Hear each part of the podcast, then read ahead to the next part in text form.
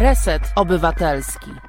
Tomasz Piątek, Reset Obywatelski, Dochodzenie Prawdy. Dobry wieczór. Bardzo serdecznie pozdrawiam wszystkich oglądających, lajkujących, komentujących, udostępniających i tych, którzy nas wspierają, tak jak nasz producent wykonawczy Obrus, który e, został zaproszony na obiad, czyli e, książka, jak się dowiedziałem jakiś czas temu. Jest to książka, która nas sponsoruje. Bardzo e, dziękuję książce E, autorce, tym, e, temu, kto napisał, czy tej, kto napisał, tej, która napisała i e, tym, którzy tę książkę wydali. I dziękuję Wam wszystkim, bo wiem, że wspieracie nas nie tylko duchowo, nie tylko internetowo, udostępniając link do tej transmisji, czy do filmu, którym ta transmisja się stanie, gdy się skończy, ale także wspieracie nas wpłacając na konto Fundacji Arbitror bo tak można nas wspierać i na zrzutka.pl, na portalu zrzutka.pl, bo tam też można nas e, wspierać. Kochani, dzień był dzisiaj niezwykły, ale e, niemal każdy dzień jest e, niezwykły ostatnio, wyjątkowy. Jesteśmy poddawani, można powiedzieć, terapii wstrząsowej no, terapii jak terapii. Jesteśmy poddawani serii elektrowstrząsów, można powiedzieć, codziennie coś się dzieje. Częścią bardzo ważną tego ciągu wstrząsów jest afera mailowa ministra Dworczyka, o której będziemy mówić w dalszej części programu.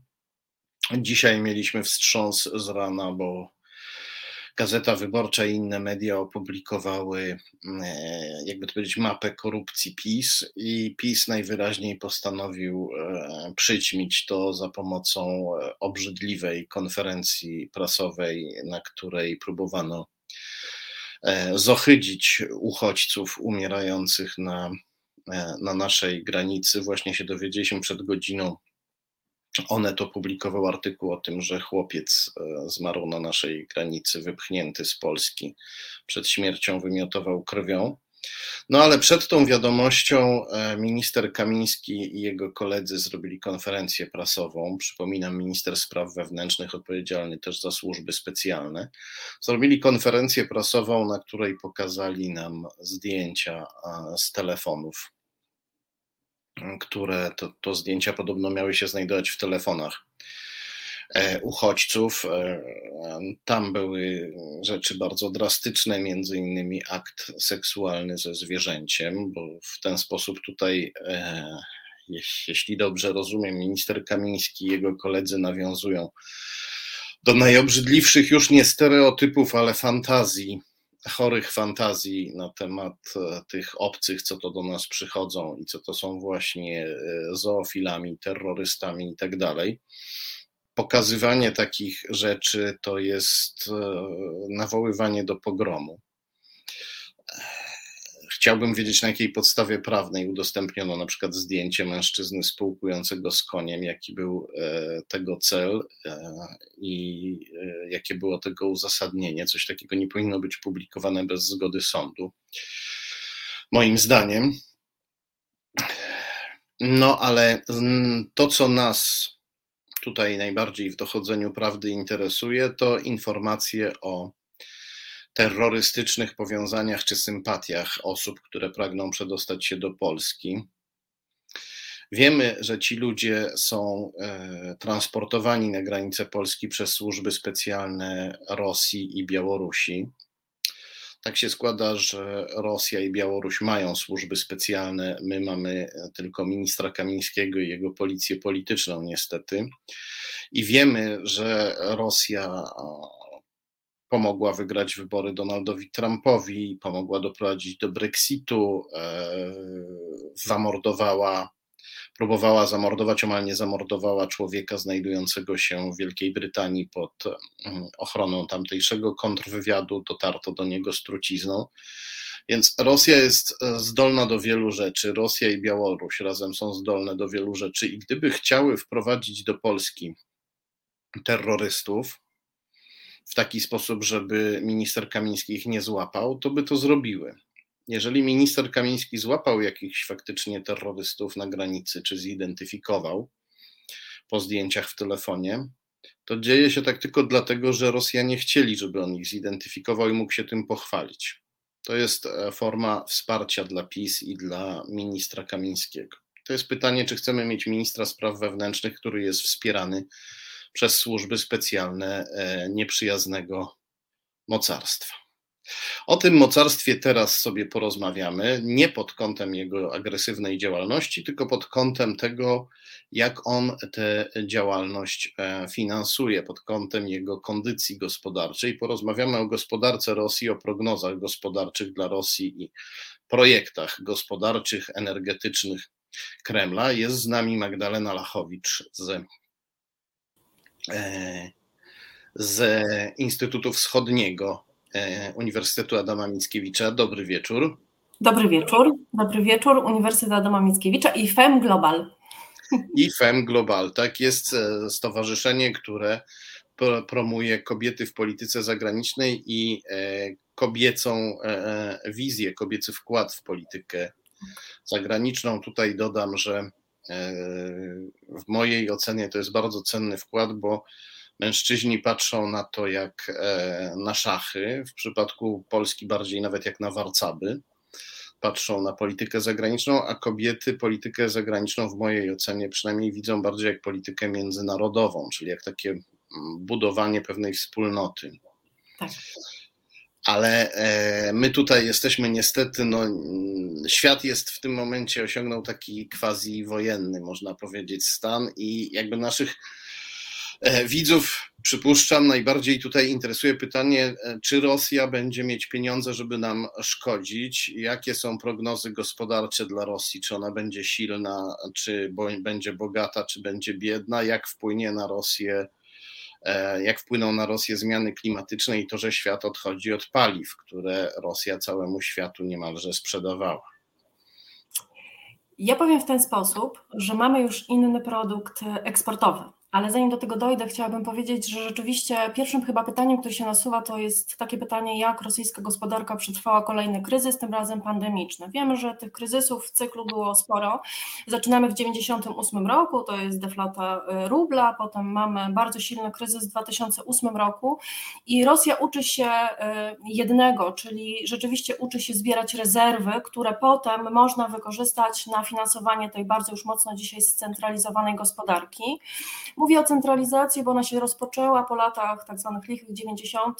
w pierwszej kadencji już Putina. Dzisiaj te procesy zaszły bardzo daleko i to zaszły w bardzo strategicznych e, takich właśnie gałęziach gospodarki, które finansują dzisiaj PKB i nadal finansują PKB rosyjskie. W 2020 roku e, kwestia e, cen ropy naftowej pokazała, jak bardzo może być niestabilny budżet rosyjski, bo mamy spadek do 20-40 dolarów za baryłkę, a rzeczywiście tak, jest to to największa część budżetu rosyjskiego. Natomiast 2021 pokazuje, że Rosja potrafi wychodzić z tego kryzysu właśnie dzięki swojej dosyć skostniałej strukturze gospodarki i tym państwowym molochom, które napędzają tak, niejako E, dużą dozę gospodarki zasilają budżet.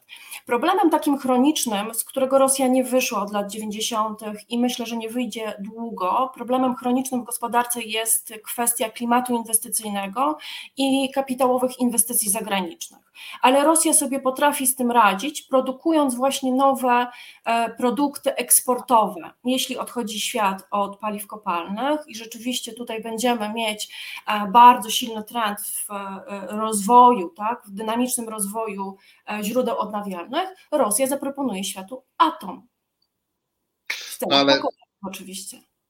No i czy świat atom przyjmie? Ponieważ wśród ekspertów, przynajmniej tych, z których opinią się za, zaznajomiłem, opinia jest taka, że atom jest technologią mm, bardzo kosztowną, przestarzałą i, i nie można mówić, że jest do końca ekologiczny, bo wprawdzie nie przyczynia się do mm, przegrzania planety, E, przynajmniej nie tak jak inne paliwa, to jednak e, e, na przykład wiąże się z ryzykiem skażenia, o czym się przekonaliśmy już dwa razy co najmniej w tak. historii.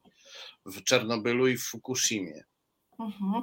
Z jednej strony ja powiem w ten sposób, są dwie strony medalu. To, o czym Pan mówi, to jest zagrożenie, czyli z jednej strony zagrożenie kosztochłonnością dla gospodarki, tak, technologią. Pamiętajmy jednak, że Rosja sobie bardzo z tym dobrze poradziła proponując tak zwany zamknięty cykl paliwowy, zamknięty cykl produkcyjny. Rosja posiada zasoby uranu, to jest e, w szacunkach około 9% zasobów światowych, ale także kupiła z powodzeniem, uzyskała dostęp do kopalni uranu na świecie, między innymi w Australii, w Kazachstanie, w, Am w Armenii, nawet w Stanach Zjednoczonych. Po prostu wykupiła podmiot kanadyjski i dzięki temu uzyskała dostęp do zasobów światowych. To jest po pierwsze.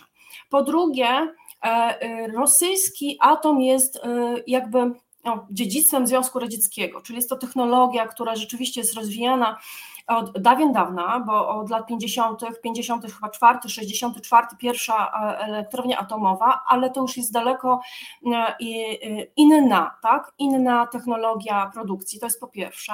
Po drugie, mamy dzisiaj takie projekty, które są atrakcyjne dla partnerów. I teraz rosyjska strategia atomowa, moim zdaniem, odpowiada na ona jest skorelowana ze strategią Gazpromu. Z jednej strony chodzi przede wszystkim o to, żeby odwrócić strukturę konsumpcyjną od spożycia e, gazu. To był taki pierwszy, tak, pierwszy motyw gospodarczy, jeśli chodzi o wewnętrzne potrzeby rosyjskie, dlatego że od 2003-2007 roku e, Gazprom e, traktował gaz jako czysty, tak, czysty produkt eksportowy, szczególnie dla krajów bliskiej zagranicy i Europy. Tak? Mówimy o tej asymetrii przesyłowej.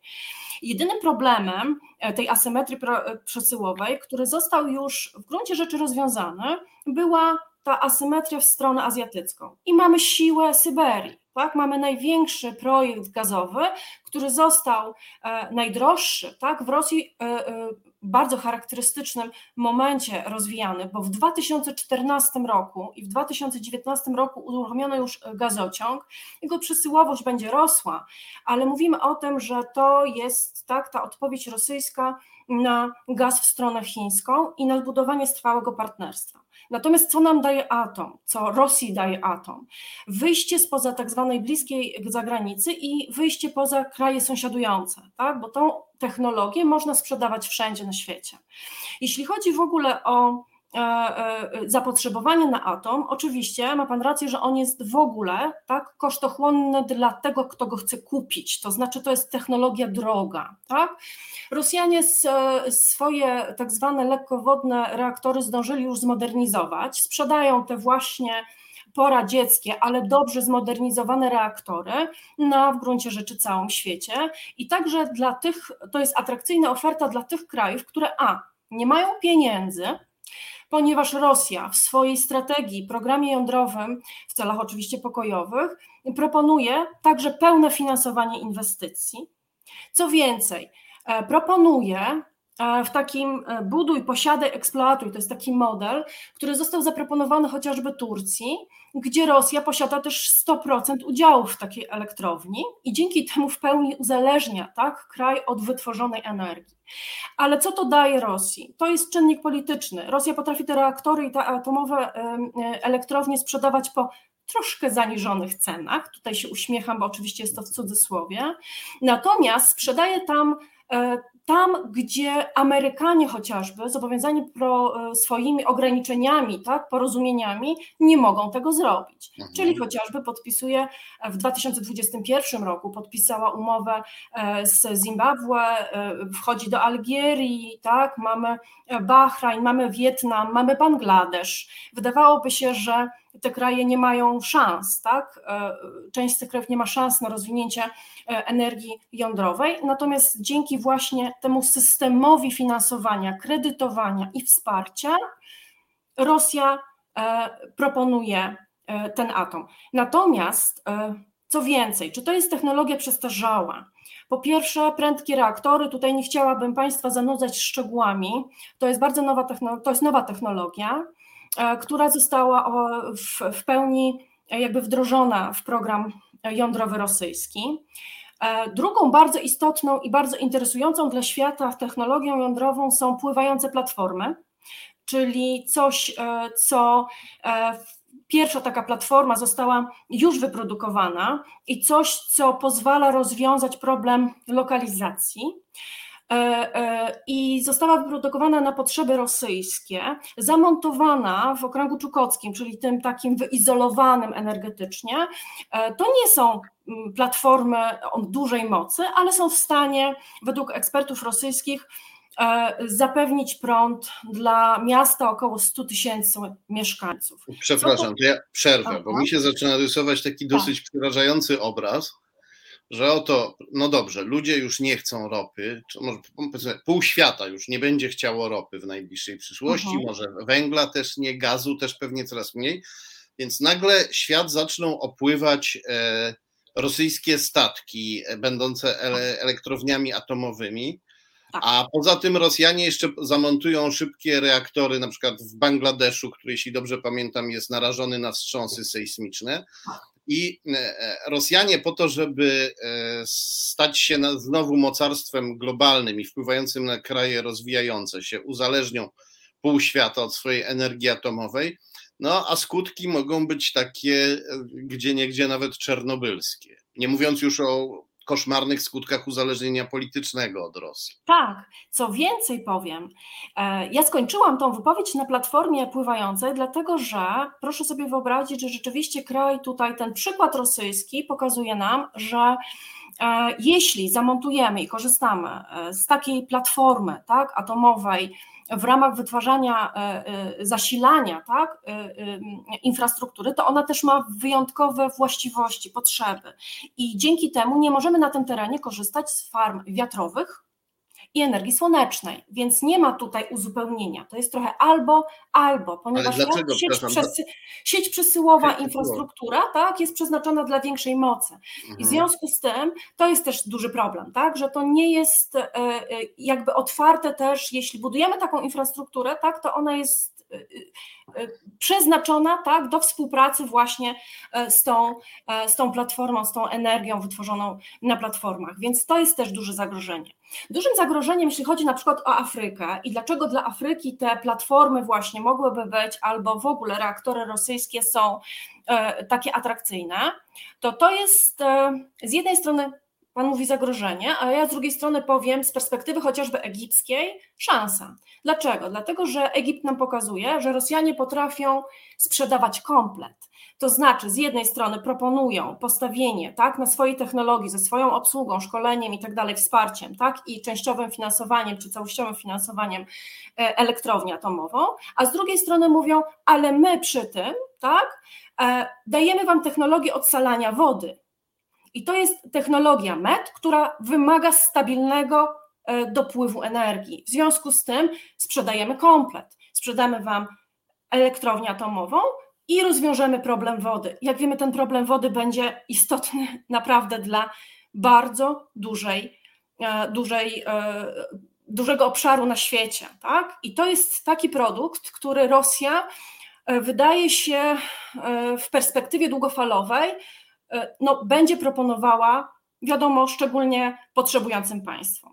W tym właśnie systemie finansowania. Będzie je też uzależniała tak, od własnych powiązań kapitałowych i tak dalej, i tak.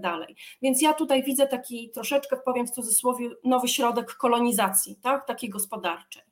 To, o czym Pan mówi, zagrożenie, rzeczywiście tak.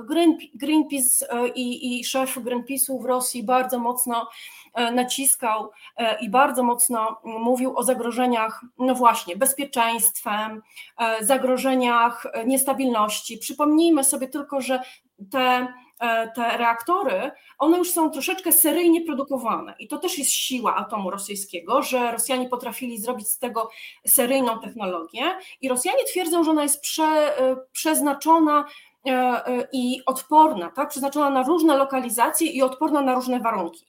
E, I teraz e, jakby siłą tej propagandy może być inwestycja w Finlandii. Okazuje się, to też jest bardzo ważne, e, że Rosjanie jako jedni z wielu, tak, odpowiedzieli na zapotrzebowanie w Finlandii na wyprodukowanie, na postawienie elektrowni atomowej. Natomiast był to projekt obostrzony tak, wieloma standardami bezpieczeństwa. I się okazuje, że Rosjanie ten E, tą, ten, ten wyścig o inwestycje wygrali, tak, że są w stanie zaproponować i spełnić bardzo wysokie standardy bezpieczeństwa. Na ile oczywiście będzie to działało w praktyce, w długofalowej perspektywie świat poka czas pokaże. Tak? Ja się zajmowałem ostatnio Finlandią i tam mhm. sami fińscy dziennikarze, z którymi się kontaktowałem, mówią, tak. że no w Finlandii jest takie ponadpartyjne lobby ludzi, którzy studiowali w Rosji albo kiedyś dali się na chwilę zwerbować KGB, a teraz są wpływowymi politykami. No i oni chętnie przy różnych właśnie przetargach zawsze nieba Rosjanom przychylą. Mhm. E, Ale z drugiej strony jest to jednak sukces wizerunkowy, tak? I jeśli no rzeczywiście no tak, po, Pamiętajmy o tym, że jeszcze mamy coś takiego jak agencja, tak? międzynarodowa agencja, której e, e, e, energii atomowej i oni też dobrze współpracują z Rosją. Ja tylko powiem, że w 2010 roku powstał taki pomysł certyfikowanego banku energii atomowej, przepraszam, paliwa atomowego, który miałby zabezpieczyć ewentualne kryzysy i on został ten projekt zlokalizowany ze zgodą tej agencji banku międzynarodowego banku banku paliwa, tak, właśnie w Rosji, w Angarsku. Więc to też pokazuje, tak, poziom współpracy. E, co o tym jeszcze, co jeszcze chciałabym o tym e, powiedzieć, o tej kwestii zagrożenia? Wydaje mi się, że większym tutaj, bo to jest dyskusja pomiędzy no właśnie, starą infrastrukturą, starymi e, surowcami energetycznymi, zamortyzowaną, znaczy zamortyzowaną, wymagającą e, e, modernizacji, tak, infrastrukturą chociażby przeznaczoną do przesyłu ropy naftowej. I wydaje się, że w związku ze zmianami klimatycznymi to jest jeszcze większy problem Rosji i jeszcze większy problem świata niż zagrożenie tak, bezpiecznymi, e, bezpiecznymi atomowymi elektrowniami. Dlaczego? Dlatego, że przypomnijmy sobie, że wieczna zwarzlina w Rosji, a w gruncie rzeczy to jest 65% powierzchni obszaru kraju, tak, na którym są po prostu rozciągnięte e, e, ropociągi, tak, które wymagają po prostu amortyzacji. Jest tam też przemysł ciężki, który w wyniku topnienia tak, i zmian klimatycznych po prostu może ulec naruszeniu. I tych problemów ekologicznych tak, w Rosji e, z e, problemów globalnych rośnie tak, cała długa lista i to jest też potężne zagrożenie.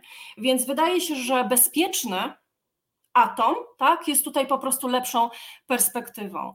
E, przynajmniej tak to opisują rosyjscy eksperci. Co jeszcze chciałabym powiedzieć, to to, że bardzo tą tą pragmatyczną politykę energetyczną rosyjską będą jednak wspierały Chiny i to nie ze względu tylko i wyłącznie na pragmatyczną współpracę, e, ale chociażby na rozwój północnej morskiej drogi. E, I, i, i o tym świadczy chociażby komunikat. Właśnie tutaj powiedzmy, czym jest północna morska tak. droga. No bo jak Drodzy Państwo, wiecie, nasza planeta się roztapia powoli, to znaczy tak. ocieplenie jest takie, że lody E, topnieją, poziom wód się podnosi, będziemy mieć z tego powodu nasze dzieci i wnuki straszliwe, pewnie różne nieszczęścia nas czekają i, i, i naszych potomków. No ale przy okazji tak zwany ocean e, lodowaty, czyli tak. ten ocean arktyczny, stopnieje na, tak, stopnieje na tyle, że będzie można tam, że powstanie tam e, szlak e, morski, na przykład dla okrętów, ale mówi się też o tym, żeby tam e, różne inwestycje pociągnąć też na brzegu, przy brzegu, w wodzie, tuż nad wodą. Tak. Wielki światłowód to jeśli chodzi o to, co y, na lądzie i, e, i pod wodą częściowo, bo Tokio, Helsinki, to jest po pierwsze. A mówiąc tak bardziej globalnie, to znowu wchodzimy w atom, bo dzisiaj rzeczywiście e, kwestia zmiany klimatu pozwoliła na rozszerzenie dostępności drogi morskiej. E, Rosja sobie z tym dobrze radziła, produkując z jednej strony lodołamacze dieslowe, ale wyprodukowała już lodołamacze atomowe. I one oczywiście są w stanie przeprowadzić statki. Co więcej, Rosja poszła dalej, ponieważ, tak jak wiemy, przyszłością również są e, terminale LNG, gaz pozyskiwany łupkowy, tak, Rosja e, oczywiście całą sieć takich terminali i takich inwestycji zaplanowała. Pierwszy był Sachalin, teraz mamy Jamał i 6, 7 e, kolejne. Znaczy ich ma być 7 przynajmniej w, w perspektywie. Potężne inwestycje. No i Rosja dysponuje już gazowcami, czyli tankowcami na gaz skroplony, lodołamaczami atomowymi. To jest jedno razem. No i teraz oczywiście ten e, północny szlak, który okazuje się wcale nie ma dzisiaj dużego potencjału, znaczy dużego udziału w transporcie światowym. Tak, oczywiście to jest bardzo niewielki udział, natomiast z drugiej strony e, mamy dwa duże czynniki, to znaczy on jest skierowany głównie do Europy, a w styczniu 2021 roku Pekin ogłosił, że włączy północny szlak morski w nowy szlak jedwabny, czyli powstanie polarny szlak jedwabny, tak, właśnie z udziałem lodołamaczy.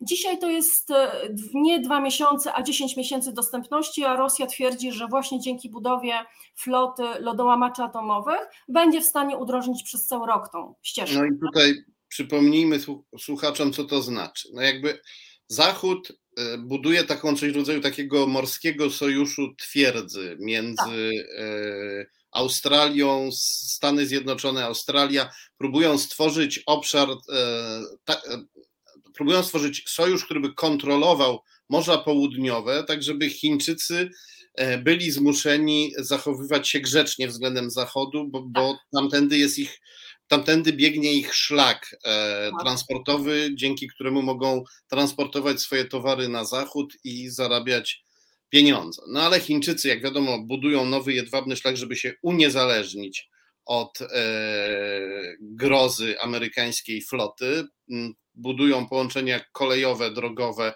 między, przez Rosję, Kazachstan, Polskę między innymi też. Tak, jesteśmy w tym e, zainteresowani, tak. Tak, a teraz do tego jeszcze dochodzi północny szlak, czyli szlak poprzez e, znajdujące się na północ od Rosji wody Morze Lodowatego. Dokładnie tak. Całe drożne.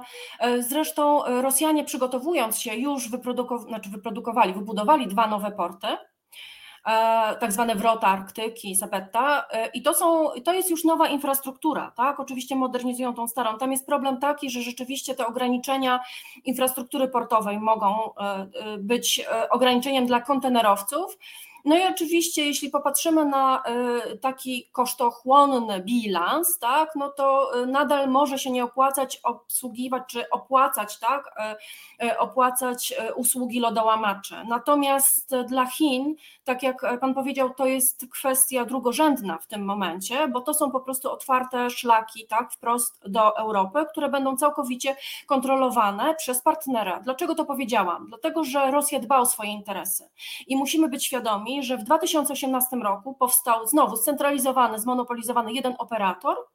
Co więcej, w 2019 roku zmieniono kodeks żeglugi, tak? I po prostu te usługi lodołamaczy można wykupić tylko od Rosji, a oczywiście są tam licencjonowane dopływy i tak dalej. Niewielu armatorów e, dostało pozwolenie na e, pływanie tym szlakiem, tylko dlatego, że rosyjskie rosyjskie stocznie nie, pro, nie nadążają produkować tak, tej floty rzeczywiście. E, dzięki temu po prostu ta, ten przepływ kontenerowców szczególnie, bo tutaj mówimy o handlu, tak, e, może być utrudniony. No i dzisiaj struktura jest dosyć stała, bo rzeczywiście jeśli chodzi o ten polarny szlak, e, to dzisiaj mówimy o tym, że transportowany jest tam gaz LNG, tak, jest tam transportowana ropa i, i tyle, tak. Natomiast udział tych towarów, w których możliwe możliwe, że byłyby zainteresowane Chiny, jest mniejszy. Natomiast mm, no właśnie, Rosja nie wiem, czy zrealizuje pomysł, że tylko i wyłącznie statki wyprodukowane w Rosji będą mogły pływać tym szlakiem. Był taki pomysł. E, natomiast rzeczywiście pragmatyka chińska e, pokazuje, że jest to długofalowy projekt e, ścisłej współpracy, tak jak w przypadku Siły Syberii. Najdroższy projekt, potężna inwestycja, 30 lat, 38 miliardów przepustowości. Dzisiaj absolutnie Rosja nie jest w stanie tego zabezpieczyć, a mimo to podpisujemy nowe umowy i będziemy e, wspólnie, tak, Chiny i Rosja będą wspólnie inwestowały we współpracę właśnie po to, żeby ominąć tych, którzy wymagają demokratyzacji, czy patrzą na e, trudne problemy związane z problemami społecznymi, politycznymi w tych obu krajach. Czyli sojusz rosyjsko-chiński się zacieśni, a Rosja wcale e, nie e, upadnie po tym, jak świat odejdzie od ropy i węgla, wręcz przeciwnie, może zwiększyć swoje wpływy na świecie. Taką przerażającą wizję mhm. pani tutaj bardzo e, profesjonalnie, fachowo i, i, i, i, naukowo nam nakreśliła. Ja byłem przekonany, że ta nasza rozmowa to jest taki, jakby to powiedzieć, taki bardziej właśnie naukowy, czyli e, nudniejszy początek dzisiejszej mojej audycji, bo potem będę mówił o mailach ministra Dworczyka, sensacje, skandale, a tu sobie tak spokojnie porozmawiamy e, jak dziennikarz z ekspertką, a tymczasem no włosy mi się jeżą na głowie, kiedy słucham tego, co pani mówi. Ja myślałem, że coś tam wiem o e, Rosji i jej energetyce, ale widzę, że bardzo dużo rzeczy nie wiem. Jestem, jestem przerażony i zastanawiam się, co Zachód mógłby zrobić, żeby zrównoważyć tę przyszłą ekspansję, do której Rosja się szykuje. Ja powiem w ten sposób. Zachód musi nauczyć się e, rozmawiać językiem Rosji z Rosją. To znaczy, ja się zastanawiam, na ile e, Rosja jest gotowa na Europę, tylko na ile Europa jest gotowa na Rosję. To znaczy, e, przykład Nord Stream 2, tak? E, trzeci pakiet energetyczny, kwestia przekreślenia monopolu tak, Gazpromu w kwestii przesyłowej.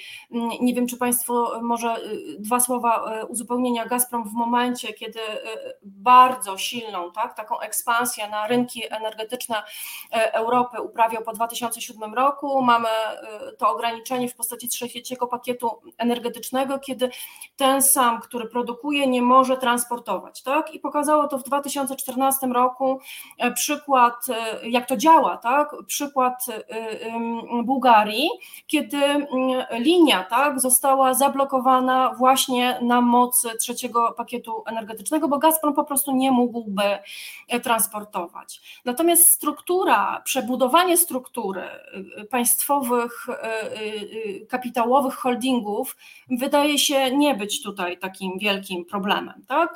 Dużym żeby, problemem... Żeby, rozumiem, żeby zainscenizować coś takiego, że tak, Gazprom. E, dostosować się do, prze, do. Tak, Gazprom wyprodukował gaz i wcale go nie transportuje, bo robi to firma Gazprom 2 należąca do tak. Gazpromu. Ja powiem w ten sposób. holding żeby pokazać y, y, jakby wielkość, tak? Ja sprawdziłam, porównałam, e, e, oczywiście podam przybliżone kwoty, tak? To są e, Ros, Rosatom jako agencja, tak jako holding, przepraszam, holding państwowy zatrudnia 250 tysięcy osób, z czego 32 tysiące blisko to jest sam jakby samo kierownictwo. Tak? To są tego typu wielkości i to są oczywiście holdingi, które mają tak, swoje filie, dzisiaj już filie na świecie, różne agencje i tak dalej, które po prostu stwarzają e, pozór takiej całej struktury. Natomiast nadal to jest jedno ogniwo, tak? zmonopolizowane ogniwo, które zarządza całą konkretną gałęzią gospodarki. I tak mamy w gazie, tak mamy Nowatek, tak? to jest LNG, e, gaz kroplony, e, terminale. Mamy duże holdingi i mamy potężne, potężną siłę tak? finansowania. To jest bardzo duże zagrożenie, dlatego że tak jak Pan powiedział w kwestii Finlandii, Rosja potrafi e, budować poparcie, poparcie też wewnętrzne, tak? potrafi prowadzić tą, tą niepubliczną dyplomację. E, potrafi też, jak wiemy, tak, działać na płaszczyźnie wojny informacyjnej, hybrydowej, budować swój po prostu przekaz dnia również poza swoimi granicami. Na ile jesteśmy na to odporni, nie wiem. Na ile będzie odporna nowa Europa, też nie wiem. Przykład populistów Francji tak, i innych pokazał nam, że nie wszyscy mówią jednym głosem, jeśli chodzi o Rosję. E, siłę rosyjską e, pokazują też Chiny w momencie, kiedy mamy tak, konflikt krymski, kiedy mamy konflikt Ukraina, Europa staje za Ukrainą, Stany stają za Ukrainą, a my podpisujemy porozumienie o sile Syberii dokładnie 24 maja 2014 roku z Chinami. Czyli o tym wielkim, przypomnę, gazociągu. Tak, ten wielki gazociąg tak, który będzie y, już działa, tak, i będzie rozwijany. Więc Rosja też pokazuje, że potrafi zdywersyfikować e, swoje działania. Rosja mówi też tak, że e, z jednej strony mamy podmiot pod tytułem Unia Europejska, ale zapominamy w Polsce bardzo często, że mamy Szanghajską Organizację Współpracy, że mamy Kaspijską Piątkę, a tam nie do końca tak, są wspólne nasze interesy, że w 2018 roku Kaspijska Piątka doszła do porozumienia, wspólna woda, podzielone dno i będziemy dalej budować tak, tą, e, tą, ten format współpracy. Ona jest zresztą bardzo istotna dla przepływu poza Rosją, właśnie dla nowego jedwabnego szlaku. Dzisiaj wyzwaniem będą też sprawy e, afgańskie, tak? I to, że jak Rosja sobie w pragmatyczny sposób potrafi, prawdopodobnie będzie potrafiła ustawić tą politykę. E, może też ze względu na centralne polityczne zarządzanie i ten brak pluralizmu, tak, będzie po prostu też dynamicznie, szybko na tym polu działała. To jest bardzo duże wyzwanie, e, dlatego że mamy przed sobą chociażby, e, jak to działa w, skali europejskiej, e, mamy przed sobą problem powstały, wywołany na Białorusi, bo mamy oczywiście protesty białoruskie i tak dalej, ale zapominamy o tym, że uruchomiono tam właśnie rosyjską inwestycję, czyli elektrownię atomową. I teraz uwaga, no przeciwko tej atomowej elektrowni w Ostrowcu, bo o niej mówię, tak, bardzo mocno e, protestowały państwa Unii Europejskiej, czyli chociażby Litwa, to jest tam 60 km, 50 km od Wilna. Potężne zagrożenie, jeśli cokolwiek się tam stanie, a e, stało się już na etapie budowy, tak, i potem po włączeniu w 2019 roku, w 2022 mamy mieć kolejne reaktory, i teraz e, Litwa mówi, e, e, to nam zagraża, tak? a inwestycja jak stała, tak stoi, tak? Jak produkuje, tak produkuje. I w gruncie rzeczy pogłębia tylko zależność Białorusi od Rosji, bo Europa mówi, my tego gazu, przepraszam, my tej energii nie kupimy. My przyspieszymy integrację państw bałtyckich, integrację z siecią elektryczną, tak? Europejską, czyli scenę, wyjdziemy z bryla, czyli wyjdziemy z tego, e, z tego systemu, który łączył Białoruś, Rosję i państwa bałtyckie. Ale to jest długi proces. I jeśli popatrzymy teraz na wspólny głos, no mamy teraz odnowiony projekt.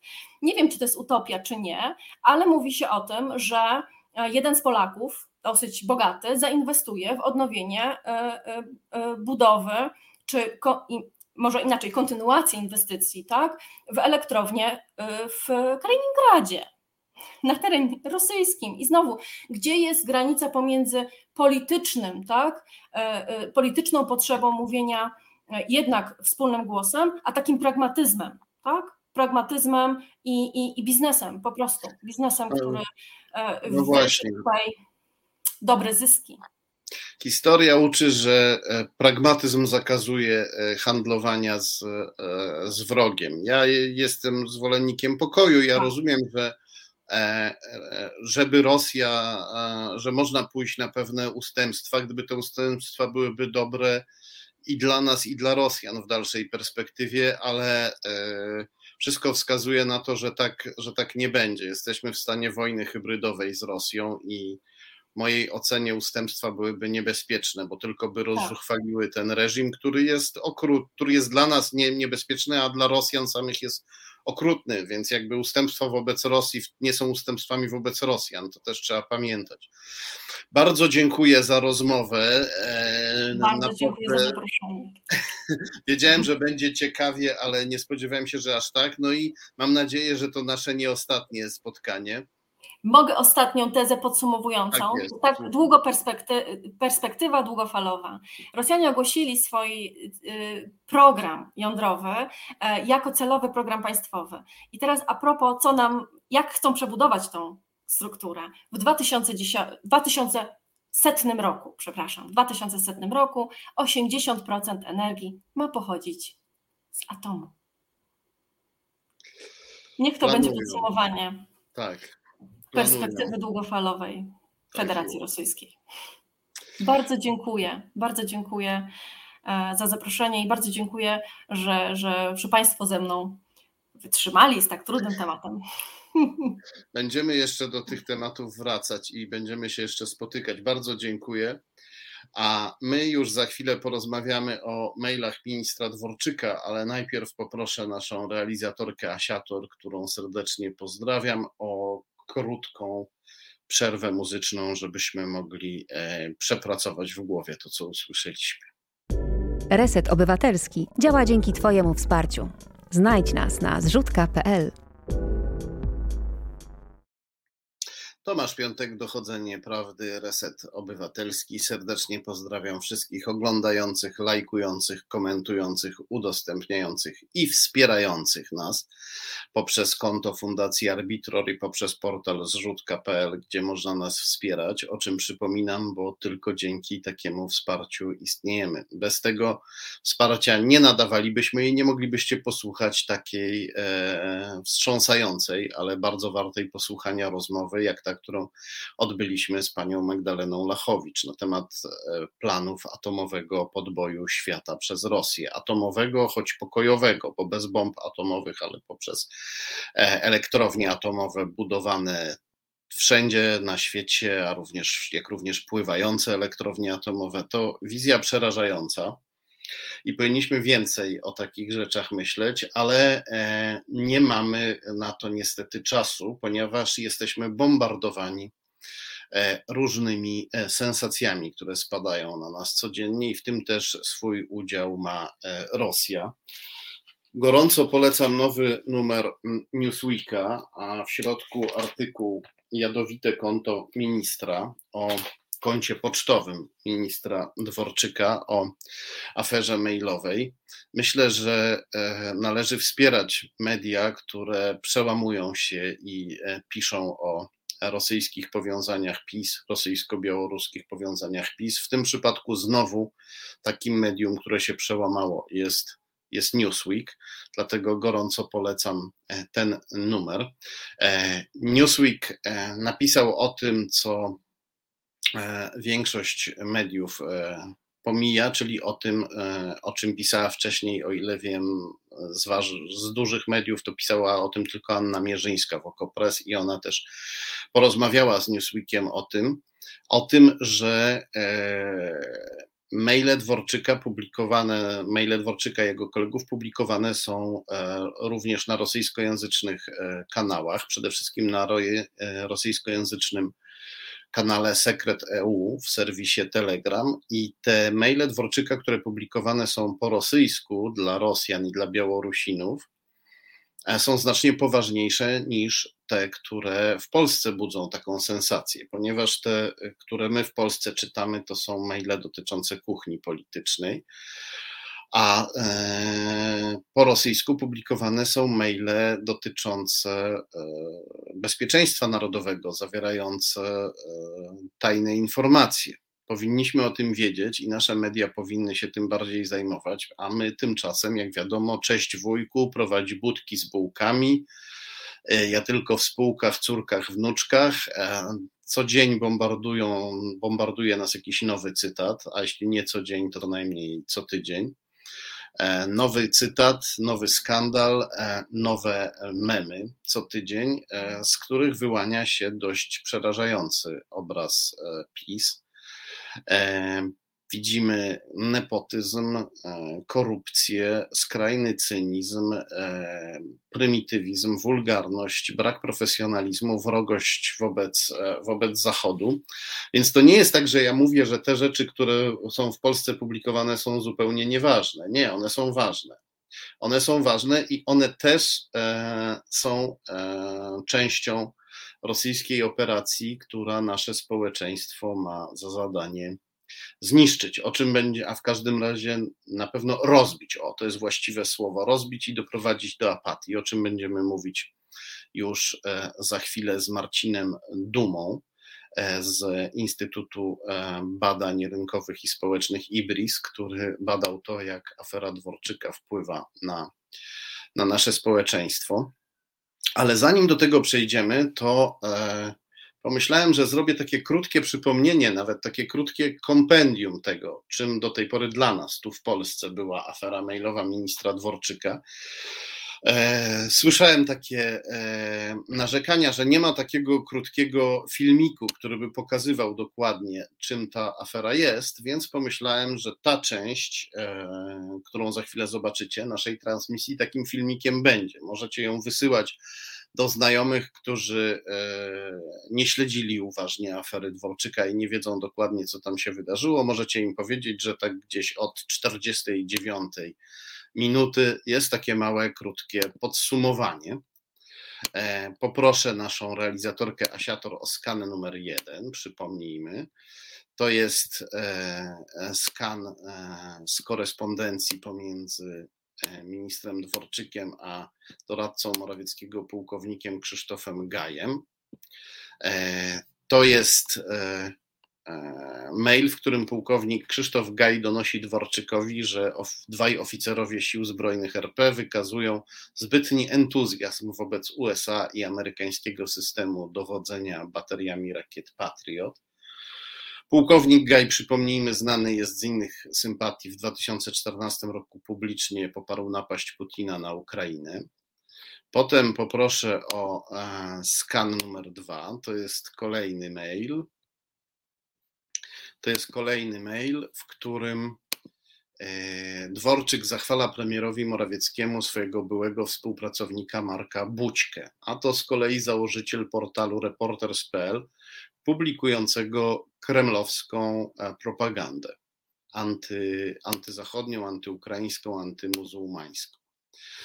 Poproszę o następny skan. To kolejny mail, który na chwilę wstrząsnął Polską, został zapomniany, ale warto go przypomnieć.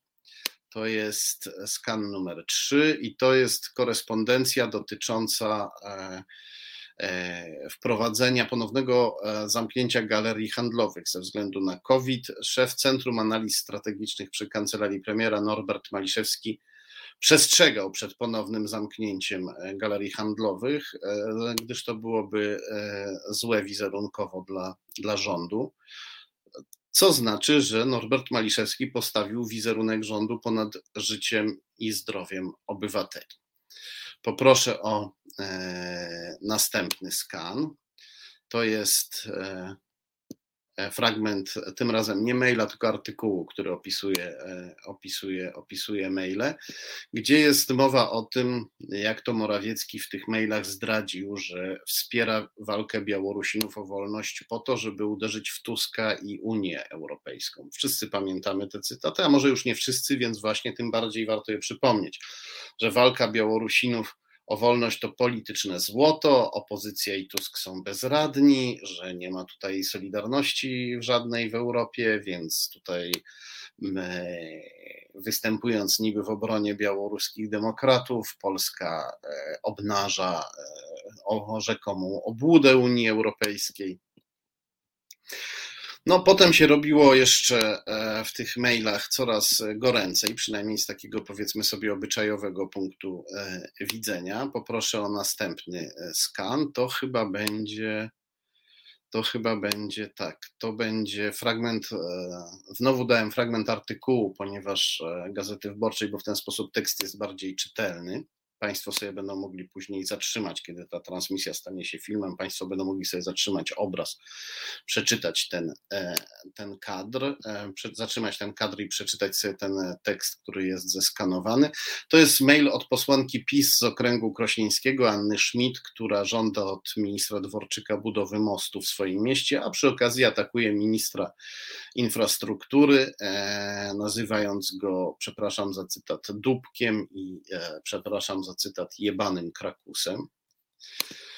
E, następny skan to mail, który znów na chwilę wstrząsnął Polską i być może zostanie e, szybko zapomniany, mm, jak niestety, ponieważ jesteśmy pod taką lawiną sensacji, no ale tym bardziej warto go przypomnieć, choć nie wszyscy go zapomnieli. To jest mail którym inna kobieta domaga się posad w polskiej grupie energetycznej. Domaga się ich w tym przypadku nie od Dworczyka, nie od Morawieckiego, a od wpływowego europosła PiS Joachima Brudzińskiego, którego tytułuje wujkiem. Brudziński to przyboczny Jarosława Kaczyńskiego. To jest ten słynny e-mail, który zaczyna się od cześć wujku. E, poproszę o jeszcze jeden skan, jeszcze jeden e-mail. To jest e, skan z kolei e, e, e-maila od, jeśli dobrze pamiętam, Michała Kuczmierowskiego, w którym on pisze, że minister aktywów państwowych Jacek Sasin chce wstawić do polskiej grupy zbrojeniowej kolegę z Wołomina, zajmującego się sprzedażą bułek, e, i że ten kolega pochodzi ze znanej rodziny, z którą Sasin współpracuje od lat i aktualnie rozstawia ją po spółkach. No, potem były jeszcze inne maile. Tutaj dużo musiałbym tych skanów pokazać, żeby to wszystko streścić. Przypomnijmy, że w e, jednej z korespondencji Dworczyk i Morawiecki obstawiali stanowiska kierownicze w Sądzie Najwyższym i Prokuratorii Generalnej i robili to w porozumieniu z Julią Przyłębską, prezeską pisowskiego, czy już, czy powiedzmy sobie, zniekształconego z przez PiS Trybunału Konstytucyjnego. No i takie działanie oczywiście krzyżowo wręcz gwałci zasadę trójpodziału władzy, bo Dworczyk i Morawiecki nie powinni obsadzać stanowisk kierowniczych w Sądzie Najwyższym, a przy innych stanowiskach nie powinni się konsultować z prezeską jednego z najważniejszych sądów, sądów w Polsce. Kolejny skan, który przygotowałem, to jest mail od, znowu od Dworczyka do Julii Przyłębskiej. Poproszę o ten skan. On jest interesujący z e, różnych przyczyn, z wielu przyczyn. To jest e, e, mail bardzo krótki, w którym Dworczyk pisze: Szanowna pani prezes, w załączeniu przesyłam CV, przepraszam za opóźnienie. Wczoraj wieczorem zasnąłem obok syna, łączę wyrazy szacunku. Tu taki trochę uchyla nam, pozwala nam, znaczy nie nam, ale pani Przyłębskiej, minister Dworczyk, zajrzeć w swoje wzruszające życie rodzinne, ale ważne jest to, że CV, które e, było dołączone do tego e, maila, według e, hakerów, którzy to opublikowali, to było CV prokuratora Waldemara Puławskiego, który 20 lat wcześniej jako adwokat bronił Michała Dworczyka. Bronił go przed sądem, kiedy Michał Dworczyk został oskarżony i skazany za e, nielegalne składowanie e, arsenału w swojej piwnicy. Mógł wysadzić i siebie, i swoich sąsiadów z bloku w powietrze. Policja dostała anonim, e, nawet nie wiemy czy anonim, dostała doniesienie, w którym ostrzeżono ją, że tam jest taki E, arsenał w piwnicy u Dworczyka i w doniesieniu e, była informacja, że to jest arsenał mafii pruszkowskiej. Niestety policja nie poszła tym tropem, nie zbadała dokładnie ewentualnych związków ministra Dworczyka z mafią pruszkowską.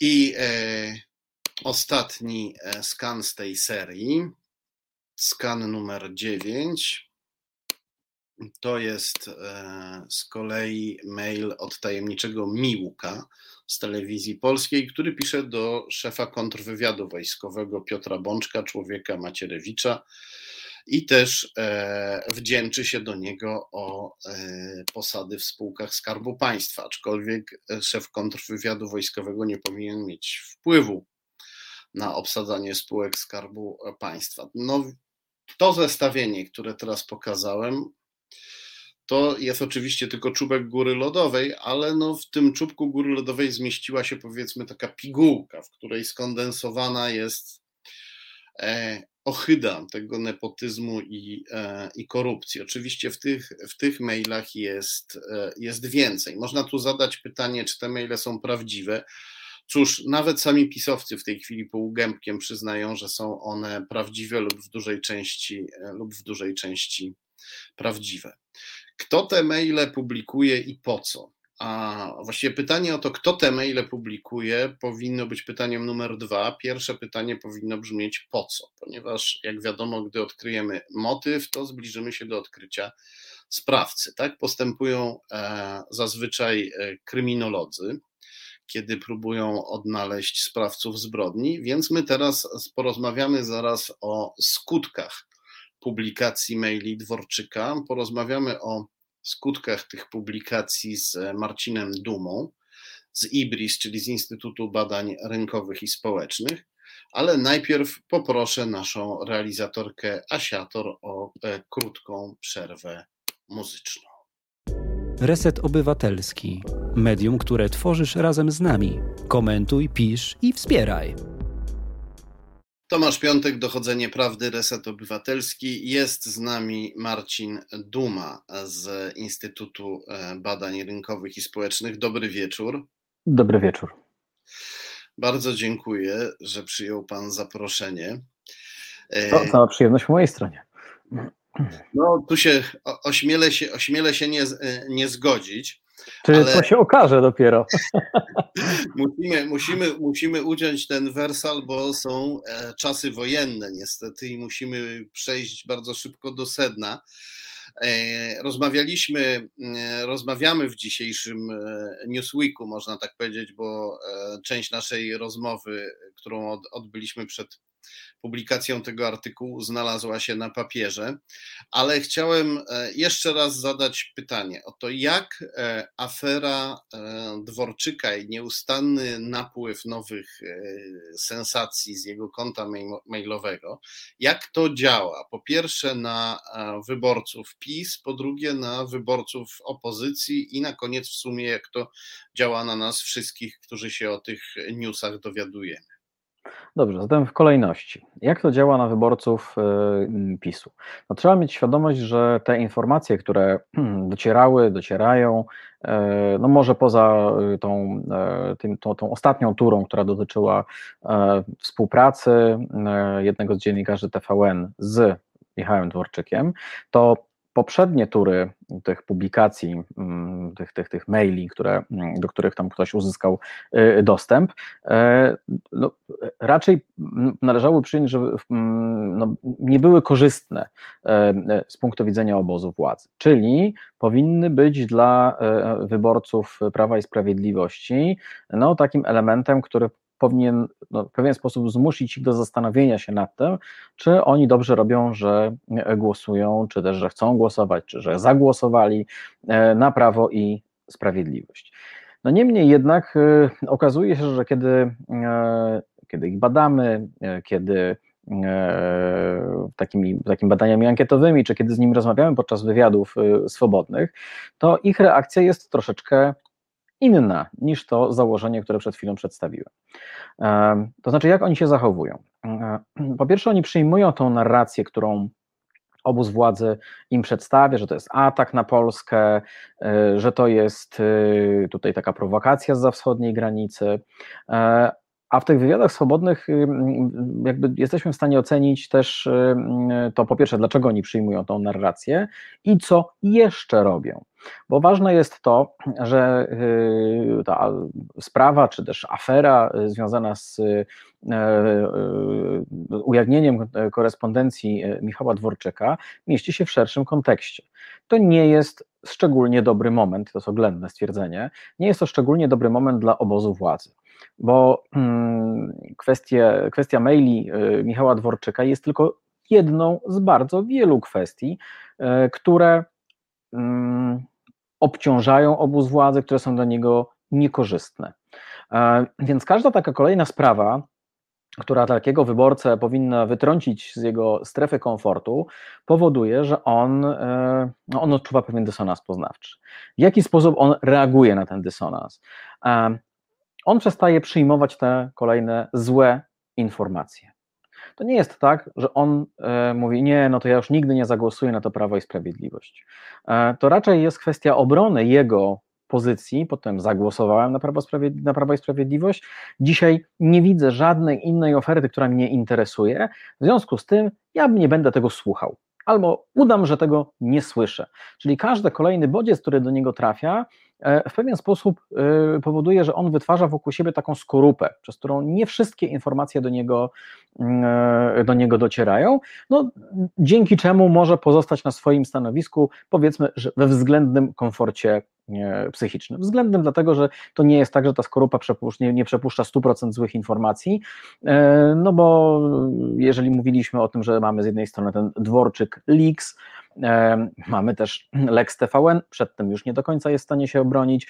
Mamy też kwestię inflacji, więc to nie jest tak, że żadne bodźce do niego nie docierają, natomiast on stara się, ten wyborca nasz y, PiSu, e, stara się te bodźce negatywne przynajmniej zminimalizować.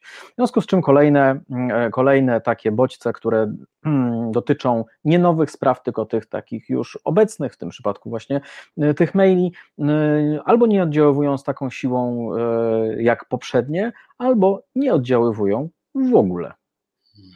No i dobrze, no ale no jakby to jest tylko część polskiej sceny politycznej i wiadomo, że nie wszyscy mm, wyborcy, a nawet większość z nich, no nie zamierza póki co głosować na, mm, na Prawo i Sprawiedliwość. No i mamy też wyborców opozycyjnych. No i w jaki sposób oni reagują? Więc e, wydawałoby się, że oni powinni być zbudowani. Proszę bardzo, kolejny dowód na to, że ta władza się skompromitowała i musi odejść. I to jest prawda. Oni tak reagowali. Ale e, pojawia się też druga emocja, a mianowicie e, oni obserwują też pozostałe rzeczy, e, te pozostałe kwestie, które obciążają obóz władzy. I w ich rozumieniu ten obóz władzy dawno powinien implodować, załamać się pod tym natłokiem tych negatywnych, negatywnych informacji. A jeżeli obóz nawet by się miał nie załamać, to przynajmniej wyborcy powinni obóz władzy opuścić. No oczywiście nie jest tak, że oni są, ci wyborcy opozycji są świadomi tego, że tam już jest taki obudowany skorupą, uodporniony na, na te informacje wyborca y, PiSu i y, oni są sfrustrowani, tak? bo oni mówią w ten sposób, Boże, już tyle afer, przecież ja to już dawno tą swoją partię opozycyjną bym opuścił, gdyby tyle tych afer y, wyszło, wyszło na jaw. Tymczasem ten wyborca PiSu ciągle jest na tyle niemądry i nierozsądny i nieroztropny, że tego PiSu nie chce opuścić, co oczywiście powoduje u niego frustrację i też zaczynają się Mm, takie rozważania. No dobrze, a może ten PiS jest po prostu niezwyciężony. Czyli ta jego wiara w to, że ten PiS da się pokonać, e, z każdą taką sytuacją nową, która powinna ten PiS już posłać na deski, e, powoduje, że tworzy się taki taki wizerunek teflonowego, niezniszczalnego, utrwala się w zasadzie ten, e, ten wizerunek PiSu teflonowego, e, tworzy się wizerunek PiSu niezniszczalnemu, którego, którego prawdopodobnie nic nie jest w stanie, e, nic nie jest w stanie ruszyć. To z kolei mm, w jakiś sposób wpływa na na jego chęć do głosowania. Zresztą to może wpłynąć na chęć głosowania jednej i drugiej strony ten zbity, taki oskorupiony mm, wyborca PiSu e, wcale nie musi być taki chętny do tego, żeby do tych wyborów e, pójść. E, chociaż jeżeli te informacje, którymi jest bombardowany, spowodują u niego wybuch takiej złości, tak, agresji związanej z mm, tym dysonansem poznawczym, dysonansem związanym z tym, że proszę bardzo, ja zagłosowałem na PiS, tymczasem okazuje się, że ten PiS jest zły. Ergo, moja decyzja była nierozsądna, nieracjonalna, a ludzie nie lubią obniżać swojej samooceny. I to może spowodować e, też u nich taką oto emocję, że oni powiedzą: No nie, nie, no dość tego. Zagłosuję i pokażę im, że ja jednak miałem y, rację. Po drugiej stronie mamy tego wyborcę opozycji. To no oczywiście to, to, to, nie jest tak, że lewicowy reaguje dokładnie tak samo jak, jak ten platformerski, bo ten platformerski jest dużo bardziej sfrustrowany niż y, lewicowy czy, czy, czy wyborca Hołowni, no ale jakby per saldo to są dosyć podobne podobne emocje. On patrzy na to, ręce mu opadają, jak patrzy na ten niezniszczalny PiS i mówi, no nie, nie, ja nie wiem, no od mojego głosu chyba już nic nie zależy, bo nikt nie jest w stanie przekonać tych milionów wyborców PiSu, którzy nie chcą tej partii y, opuścić. Czy on będzie zmotywowany do tego, żeby pójść i jednak spróbować wywalczyć y, jak najlepszy wynik dla swojego obozu politycznego y, czy swojej partii? No, to nie jest już taka prosta rzecz. Teraz rzecz trzecia, czyli jak to działa ogólnie na wyborców. No więc właśnie, należy pamiętać o tej, o jeszcze jednej rzeczy, że w dużej mierze bardzo wysoka podaż y, bodźców, czyli co chwila jakaś afera powoduje, że my na każdą kolejną aferę będziemy reagować słabiej.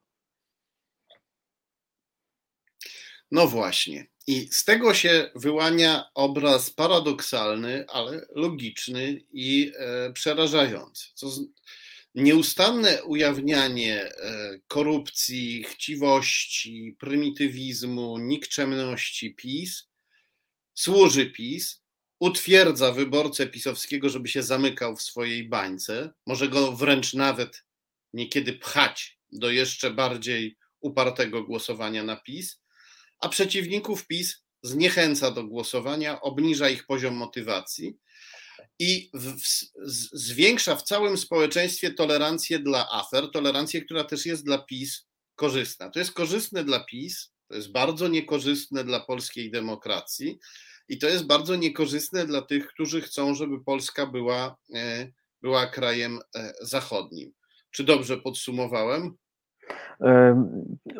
Przede wszystkim, e, znaczy pamiętajmy jeszcze o jednej rzeczy, że to jest niebezpieczne dla, z punktu widzenia demokracji, a to wykracza także poza rządy PiSu, bo ten efekt, o którym sobie mówimy, być może, należy tak założyć, będzie obejmował także rządy innych obozów politycznych, które mogą w Polsce, nie wiem, czy w następnej kadencji, e, czy najprawdopodobniej następnej kadencji e, rządzić. Także to jest taka odporność. E, I też chyba problem z punktu widzenia takiego dziennikarskiego, no bo rolą dziennikarza jest dostarczanie informacji obywatelom, oczywiście tym, którzy tam jakiekolwiek informacje otrzymują albo są nimi zainteresowani. Natomiast w momencie, kiedy obserwujemy pewną znieczulicę, no to zaczyna się robić problem, tak? No bo tu informacje, proszę bardzo, słuchajcie, zobaczcie, ujawniamy. Takim fajnym przykładem jest to, co dzisiaj się ukazało w Gazecie Wyborczej, e, w Radiu Z i w Onecie. Seria artykułów pokazujących, jak wygląda skala e, jakby zawłaszczenia e, państwa przez obecną, obecną ekipę. Ja się przyglądałem temu materiałowi i on w jakiś sposób jest taką soczewką tego, o czym sobie rozmawiamy. Mamy sprawę podzieloną na kilka obozów wewnętrznych władzy, gdzie jest dużo materiałów, gdzie są takie mapki obrazowe, tutaj połączenia, e, tylko że tego jest tak dużo, że ja podejrzewam, że e, taką kompetencję poznawczą do tego, żeby móc to sobie z tym poradzić, ma w sumie niewielu Polaków. E, a pamiętam z kolei również, że chyba w Pulsie Biznesu były takie, takie publikacje. Pierwsza była w 2012 roku, druga była w 2016 roku, czyli jedna dotyczyła rządów Platformy i PSL-u, druga dotyczyła już rządów y, PiSu. I te publikacje były dość, dość proste. To była lista, w przypadku Platformy chyba 400 tam kilkudziesięciu nazwisk, w przypadku PiSu tysiąca, nazwisk ludzi, którzy trafili do spółek Skarbu Państwa z klucza E, politycznego. Tylko, że o ile ta publikacja mm, miała bardzo, duże, bardzo dużą nośność w 2012 roku, e, o tyle ta z 2016 już trochę mniejszą, a czy ta dzisiejsza, trochę trudniejsza jeszcze w odbiorze, bo to nie jest prosta lista nazwisk z podaniem e, firm, w których ci ludzie pracują, czy ona będzie miała taki efekt, pomimo wielkiej, pewnie jakby drobiazgowej, takiej mrówczej roboty dziennikarskiej, no ja mam bardzo poważne wątpliwości. Tak, to jest, to jest e, tragiczne, ale tutaj e, problemem są nie, nie jest tylko zwykły odbiorca statystyczny Kowalski. Ja rozumiem, że statystyczny Kowalski po powrocie do domu z pracy może mieć bardziej e, frapujące zajęcia niż śledzić z lupą, jak tam szwagrzy i pociotkowie Jacka Sasina się krzyżowali z siostrzenicami Joachima Brudzińskiego.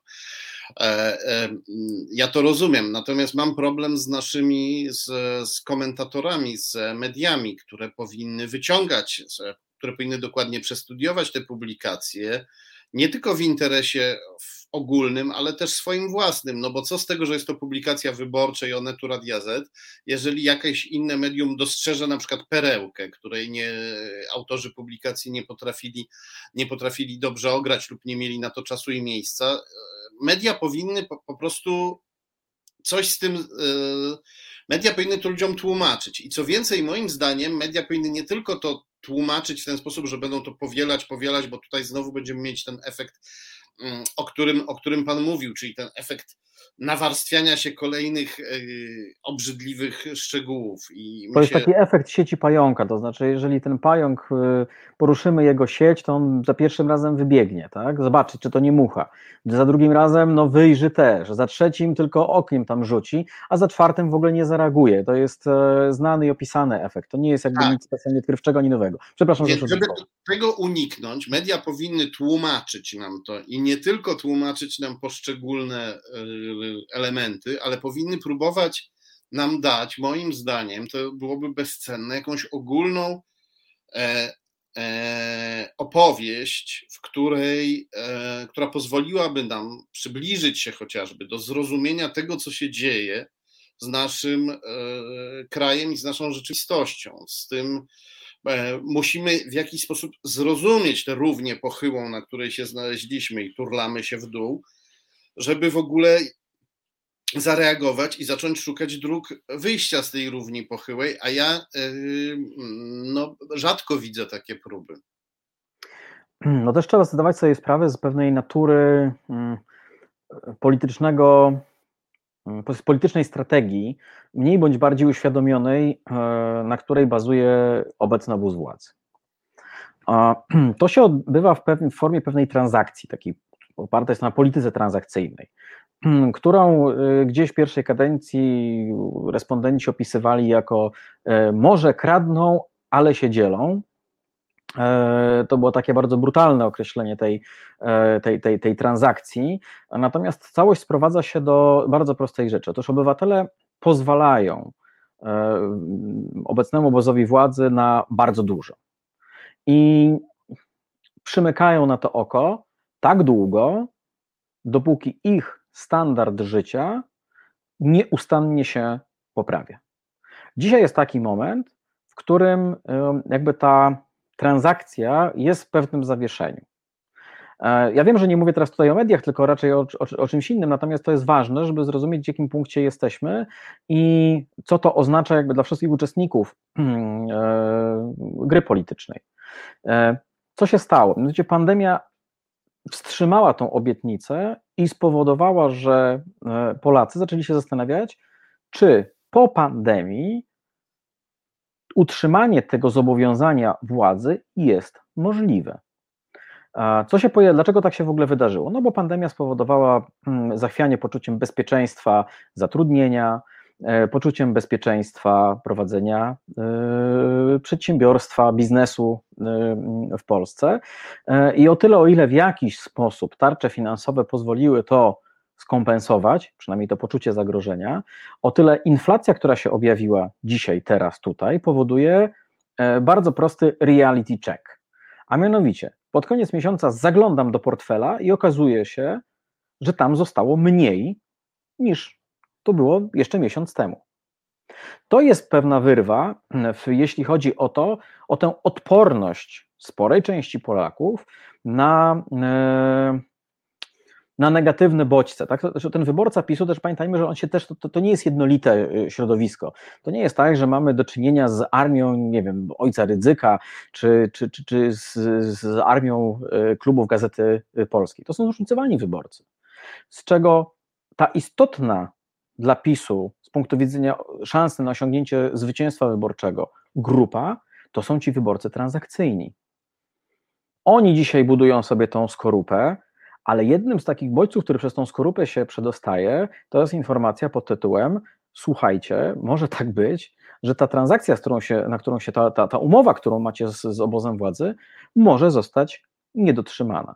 Jeżeli taka umowa nie zostanie dotrzymana, jeżeli okaże się, że ten wzrost e, czy nieustanna poprawa e, e, sytuacji materialnej, jeżeli to nie zostanie zrealizowane, no to wtedy obóz władzy będzie y, w kłopocie.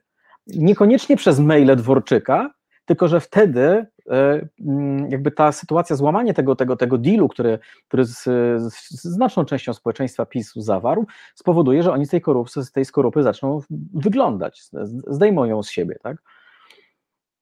I Tutaj e, przykład węgierski nas uczy, że kiedy e, Orbanowi zabrakło pieniędzy, to pożyczył miliardy od Chińczyków. I PiS, żeby dotrzymywać nadal tej swojej obietnicy poprawiania e, statusu materialnego swoich wyborców, PiS być może, kiedy skończą się pieniądze, też będzie zmuszony, żeby pożyczyć, pożyczyć fundusze z bardzo niepewnego lub nawet nieprzyjaznego źródła. Może nie od Rosji, ale od, e, od Chin na przykład. I tu jest pytanie, czy e, wyborca PiS będzie e, skłonny zaakceptować dalszy wzrost lub przynajmniej utrzymanie podwyższonego poziomu życia, wiedząc, że to się odbywa za, za ruble albo za chińskie juany. No to musimy tutaj jakby powiedzieć sobie, z czego ten Z czego ta poprawa mogłaby wynikać? E, ona niekoniecznie zawsze wygląda tylko i wyłącznie, nie opiera się tylko i wyłącznie na transferach e, socjalnych. Znaczy, istnieje pewien mit, e, który mówi, że ta poprawa dobrobytu to 500 plus. To na pewno i te wszystkie transfery socjalne. Natomiast prawda jest taka, że ta poprawa sytuacji materialnej związana jest przede wszystkim z kondycją rynku pracy, czyli z czymś, co no, PiS odziedziczył, a druga rzecz, którą y, zaraz przejdę do oczywiście do rubli juanów, e, ale tutaj warto sobie taką rzecz wytłumaczyć, żebyśmy jakby wiedzieli na jakim, na jakim polu to się wszystko rozgrywa. E, a druga rzecz to jest taki instrument jak na przykład podwyżka płacy minimalnej, e, podwyżka stawki godzino, minimalnej stawki godzinowej, czyli coś, co teoretycznie pieniędzy nie wymaga, no bo to jest trochę na, na, na koszt najpierw przedsiębiorców, a potem tych, którym podnosimy. Teraz y, przechodząc do tych mm, do tego, co zrobił y, Orban. No oczywiście Węgry są y, trochę innego rozmiaru państwem, a ich stosunki z, z Rosją, czy percepcja Rosji jest trochę, trochę inna niż, niż wśród Polaków. I nawet pamiętając, co się wydarzyło y, na Węgrzech w 1956 roku, to, to, to ta pamięć, mimo tego, że wciąż jest y, żywa i że jest podtrzymywana jakby przez, przez Węgrów i przez państwo węgierskie, no, nijak nie wpływa na wizerunek Rosji i, y, i, i Rosjan dzisiaj. W Polsce sytuacja jest trochę, trochę inna, mianowicie my od Rosjan niczego nie weźmiemy, znaczy wziąć możemy, ale nie będzie się to przy okazji akceptacji społecznej. Kiedy badaliśmy to, czy na przykład e, no, były takie problemy ze szczepionkami, czy w związku z tym, że tych szczepionek nie ma, a my ich potrzebujemy, to to może wziąć tego rosyjskiego sputnika, co się zresztą wydarzyło na Węgrzech. I odpowiedzi badanych były bardzo jednoznaczne. Absolutnie żaden sputnik, żadne tam ruskie dziadostwo, absolutnie nie. Pytaliśmy również o produkt chiński, e, to też jest pewien wyznacznik. E, no i ten chiński też, też jakby nie do końca. No chcieliśmy przyzwoite, zachodnie, amerykańskie, angielskie e, szczepionki. Wracając teraz do tego, dlaczego to się tak stało i jak to rezonuje, jeśli chodzi o przyjmowanie ewentualnej pomocy. Od Rosji nie weźmiemy pomocy, bo Rosjanie to nasz odwieczny wróg. I tak mamy wdrukowane. Ucząc się historii, z pokolenia na pokolenie widzimy w tym państwie e, zagrożenie. Co oczywiście nie znaczy, że samych Rosjan, jako zwykłych ludzi jakoś szczególnie nie lubimy. No może oni nie są tym, tą nacją, którą szczególnie faworyzujemy, natomiast stosunek do Rosjan jest o niebo lepszy niż stosunek do ich y, państwa.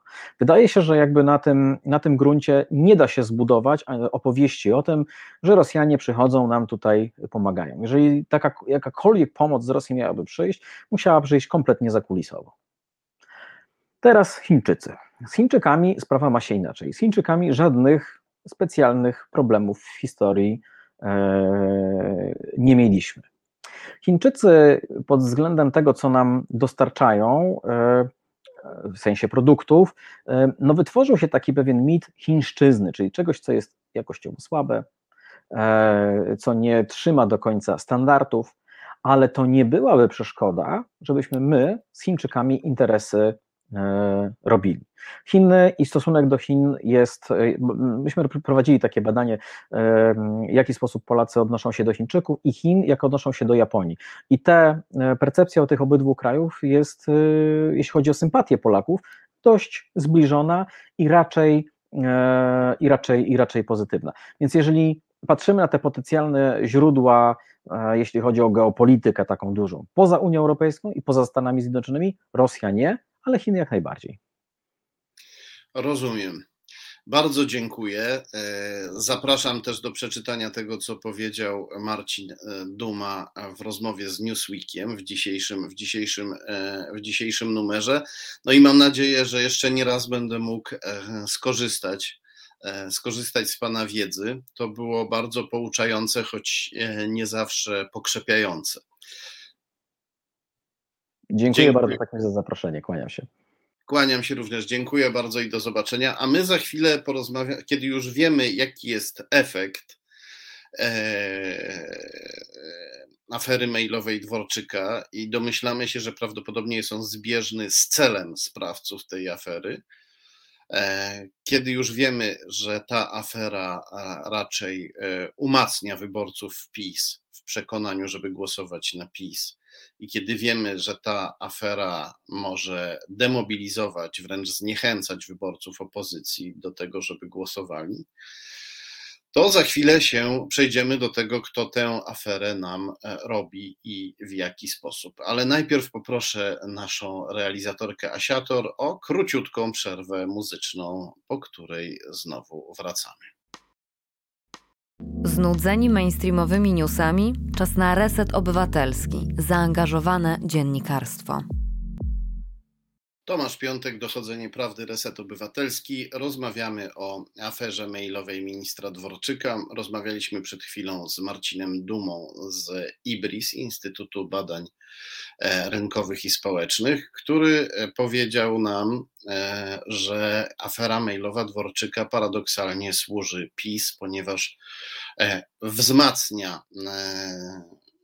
wyborcę pisowskiego w przekonaniu, że nie należy słuchać niepisowskich informacji. On się po prostu odgradza od tych e, nieprzyjemnych dla niego informacji o skandalach Dworczyka i jego kolegów, zamyka się jeszcze szczelniej w bańce pisowskiej, nawet wręcz może jeszcze bardziej chcieć głosować na PiS na złość tym, którzy go próbują bombardować e, informacjami, które mu się nie podobają. Z kolei wyborca niepisowski e, demobilizuje się, popada w rozgoryczenie, nawet w rozpacz, w zniechęcenie, kiedy widzi, że te kolejne skandale nie wywierają żadnego wpływu na wyborcach PiS. PiS nie słabnie, więc taki wyborca myśli sobie, że PiS jest nie do pokonania, jest w jakiś dziwny sposób nietykalny i właściwie nie ma po co iść głosować, bo jego głos się nie liczy, skoro i tak PiS wygra. To jest przerażający obraz. Jak widać, e, z tego mm, wynika, że sprawcy afery mailowej raczej pomagają PiS, choć na to może pozornie nie wyglądać. No i przede wszystkim e, znieczulają nas na korupcję i nepotyzm i i amatorszczyznę i wszystko co złe w polityce, ponieważ gdy bombardują nas takimi wiadomościami, wzmacniają u nas, e, w nas wszystkich zniechęcenie do walki z korupcją, wzmacniają nas, zwiększają naszą tolerancję na korupcję, można o o tak można powiedzieć, więc to wszystko e, jest, to wszystko sprawia, że Polska bombardowana takimi faktami staje się, zaczyna akceptować to, że przestaje być e, krajem e, zachodnim, że przestaje dążyć nawet do tego, żeby być krajem cywilizacji zachodniej. Mm, I jak widać, tutaj już zaczyna się nam rodzić odpowiedź na pytanie, komu ta afera służy, a to jest już krok do tego też, żeby odpowiedzieć na to, kto e, jest sprawcą tej afery. Afera służy rzecz jasna e, wschodnim mocarstwom, które chcą wyrwać Polskę ze wspólnoty Zachodu, e, czyli Rosji i w dalszej perspektywie Chinom, i służy też oczywiście naszemu agresywnemu, antydemokratycznemu wschodniemu sąsiadowi, jakim jest E, Białoruś. Taka się odpowiedź nasuwa, kiedy patrzymy na logikę faktów. Ta logika nie jest prosta, ale to jest jednak e, logika, tak jak to bardzo przekonująco przedstawił e, Marcin, Marcin Duma. I ta odpowiedź, którą tutaj sobie teoretycznie nakreśliliśmy, ona się zgadza z praktycznymi danymi, informacjami, które w praktyce sprawdziła i znalazła i sprawdziła Anna Mierzyńska, z którą rozmawiam też e, w dzisiejszym numerze e, Newsweeka. Ona badała e, kanały rosyjskojęzyczne, białoruskie i później rosyjskie, które rozprowadzają w swoich, wśród swoich rosyjskojęzycznych czytelników, odbiorców maile ministra Dworczyka i stwierdziła, że wpisy na bieżąco rozprowadza w serwisie Telegram kanał CZK Media, oficjalnie powiązany z rosyjskim e, portalem e, RiaFan. E, a portal RiaFan to główny portal rosyjskiej grupy medialnej Patriot Media Group, na czele tej firmy stoi rosyjski oligarcha Jewgenij Prigorzin, to twórca najsłynniejszej rosyjskiej fabryki troli z Petersburga. Internet Research Agency, to również sponsor prywatnej firmy wojskowej e, znanej jako Grupa Wagnera. To najemnicy świadczący usługi wojskowe na świecie, głównie na rzecz Kremla. Prigorzin jest poszukiwany przez FBI, między innymi za wpływanie na kampanię wyborczą w 2016 roku. Jest związany z rosyjskim wywiadem wojskowym GR. E, Anna Brzezińska publikuje swoje ustalenia od pewnego e, czasu. E, nasze media, oprócz portalu Okopres, gdzie Anna Mierzyńska e, zamieszcza swoje artykuły, nasze media mało się tym zajmują, również media niezależne, niestety, ponieważ wśród mediów niezależnych, najwyraźniej wśród dziennikarzy mediów niezależnych, wśród wielu z nich, e, jest takie przeświadczenie, tak, takie mam wrażenie, panuje przeświadczenie, że e, nie należy mówić o tym, że Rosjanie robią aferę mailową Dworczyka, bo wtedy biedny Dworczyk wychodzi na ofiarę Rosjan i nagle można, odnieść, można by odnieść wrażenie, że Rosjanie zwalczają PiS, podczas kiedy Rosjanie, jak wiemy od czasów afery taśmowej, PiS popierają. E, no, niestety problem polega na tym, że świat nie jest prosty e, e, i Rosjanie nie działają w taki prosty sposób. Rosjanie nie grają w warcaby, Rosjanie grają w szachy. I to jest oczywiste, że dla mm, odbiorcy mediów te szachy mogą być trudne, ale po to są media, żeby mu te szachy tłumaczyły. Jedną z podstawowych szachowych zagrywek, pułapek, jakie się zastawia, jest gambit, kiedy się poświęca jedną ze swoich figur, żeby wciągnąć przeciwnika w pułapkę, uzyskać większą korzyść.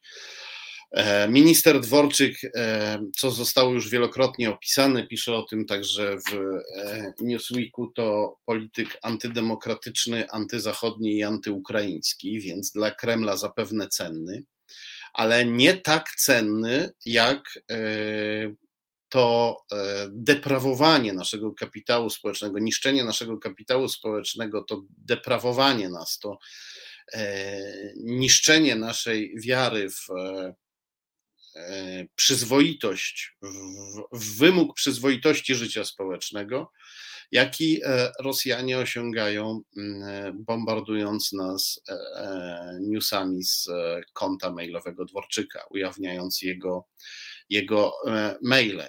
Tu warto przypomnieć sprawę mm, e, premiera Oleksego z lat 90., który e, miał wielu przyjaciół w Rosji, jeszcze z czasów komunistycznych.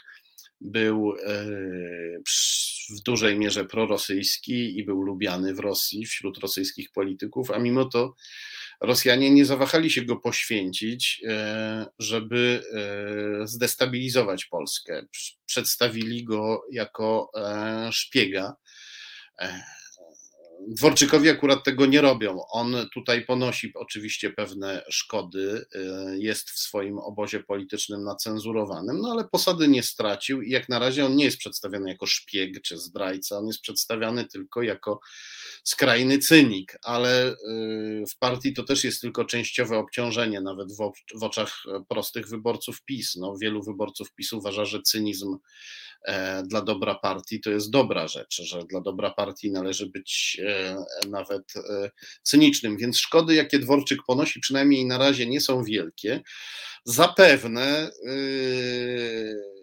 publikowanie maili z jego konta pocztowego też go e, dyscyplinuje. No na pewno e, Dworczyk boi się tych, którzy posiadają jego e, maile, którzy uzyskali dostęp do jego maili i zapewne będzie się starał być wobec nich grzeczny. No, z punktu kremlowskiego punktu widzenia profesjonalny pasterz E, nie pozwala, żeby jego psy poczuły się zbyt pewnie, żeby jego owczarki poczuły się zbyt pewnie, bo mógłby taki owczarek uwierzyć, że, że, jest, że jest pasterzem. Jak mówi Anna Mierzyńska, operacja, jaką jest publikacja maili Dworczyka, to operacja wielopoziomowa, która realizuje kilka, kilka celów naraz. Kiedy Anna Mierzyńska zaczęła to publikować, została zaatakowana na Twitterze przez prawicowego dziennikarza Jana Pińskiego. Poproszę tutaj o kolejny skan, o skan numer 10. To jest skan z Twittera Jana Pińskiego, który napisał, że ujawnienie maili Dworczyka nie ma żadnych związków z Rosjanami. Wyciek maili pochodzi od kobiety, która poczuła się rozczarowana relacją z Michałem Dworczykiem. Czyli tutaj e, w odpowiedzi na analizy, które przeprowadziliśmy, między innymi w rozmowie z Marcinem Dumą, w odpowiedzi na um, bardzo szczegółowe, wręcz drobiazgowe badania, które robiła Anna Mierzyńska, w odpowiedzi na to Jan Piński przedstawia nam jako rozwiązanie taką raczej bardziej romantyczną historię. E, o jaką kobietę chodzi, to wiemy, ponieważ już mówiliśmy o tej sprawie. Przypomnę tutaj tylko, poproszę o skan numer 11. To jest e, zdjęcie e, Michała Dworczyka z tą kobietą, o której się plotkuje, że to ona miała jego maile, doprowadzić do ujawnienia jego maili, wykraść hasło. To jest Anna Schmidt, posłanka, e, posłanka, posłanka PiS, wiceministra e, e, rodziny i polityki społecznej. Wiadomo, że oboje ze sobą współpracowali i znali się dobrze, natomiast nic nie wiadomo na temat ich rzekomego romansu, a już zupełnie nic nie wiadomo na temat na temat tego, jakoby e, pani Anna miała panu Michałowi wykraść e, hasło do poczty i spowodować publikację jego maili. W związku z tym należy się przyjrzeć temu, kto rozsiewa takie wieści, kto rozsiewa taką telenowelową i najwyraźniej pozbawioną podstaw wersję. Poproszę o kolejny skan, znowu z Twittera Jana Pińskiego, który takie mm, historie nam opowiada. To jest skan numer 12. E, to jest tweet e, Jana Pińskiego z września 2020 roku, gdzie Jan Piński pisze: Grzegorz Braun będzie prezydentem wolnej Polski. E, no i tu można oczywiście zapytać, czy sobie przypadkiem Jan Piński nie zażartował. Wielu z nas może mieć taką wątpliwość. Wielu z nas zna Jana Pińskiego jako redaktora naczelnego portalu wieści24.pl, który jest antypisowski i przynajmniej na pierwszy rzut oka publikuje odważne antypisowskie treści.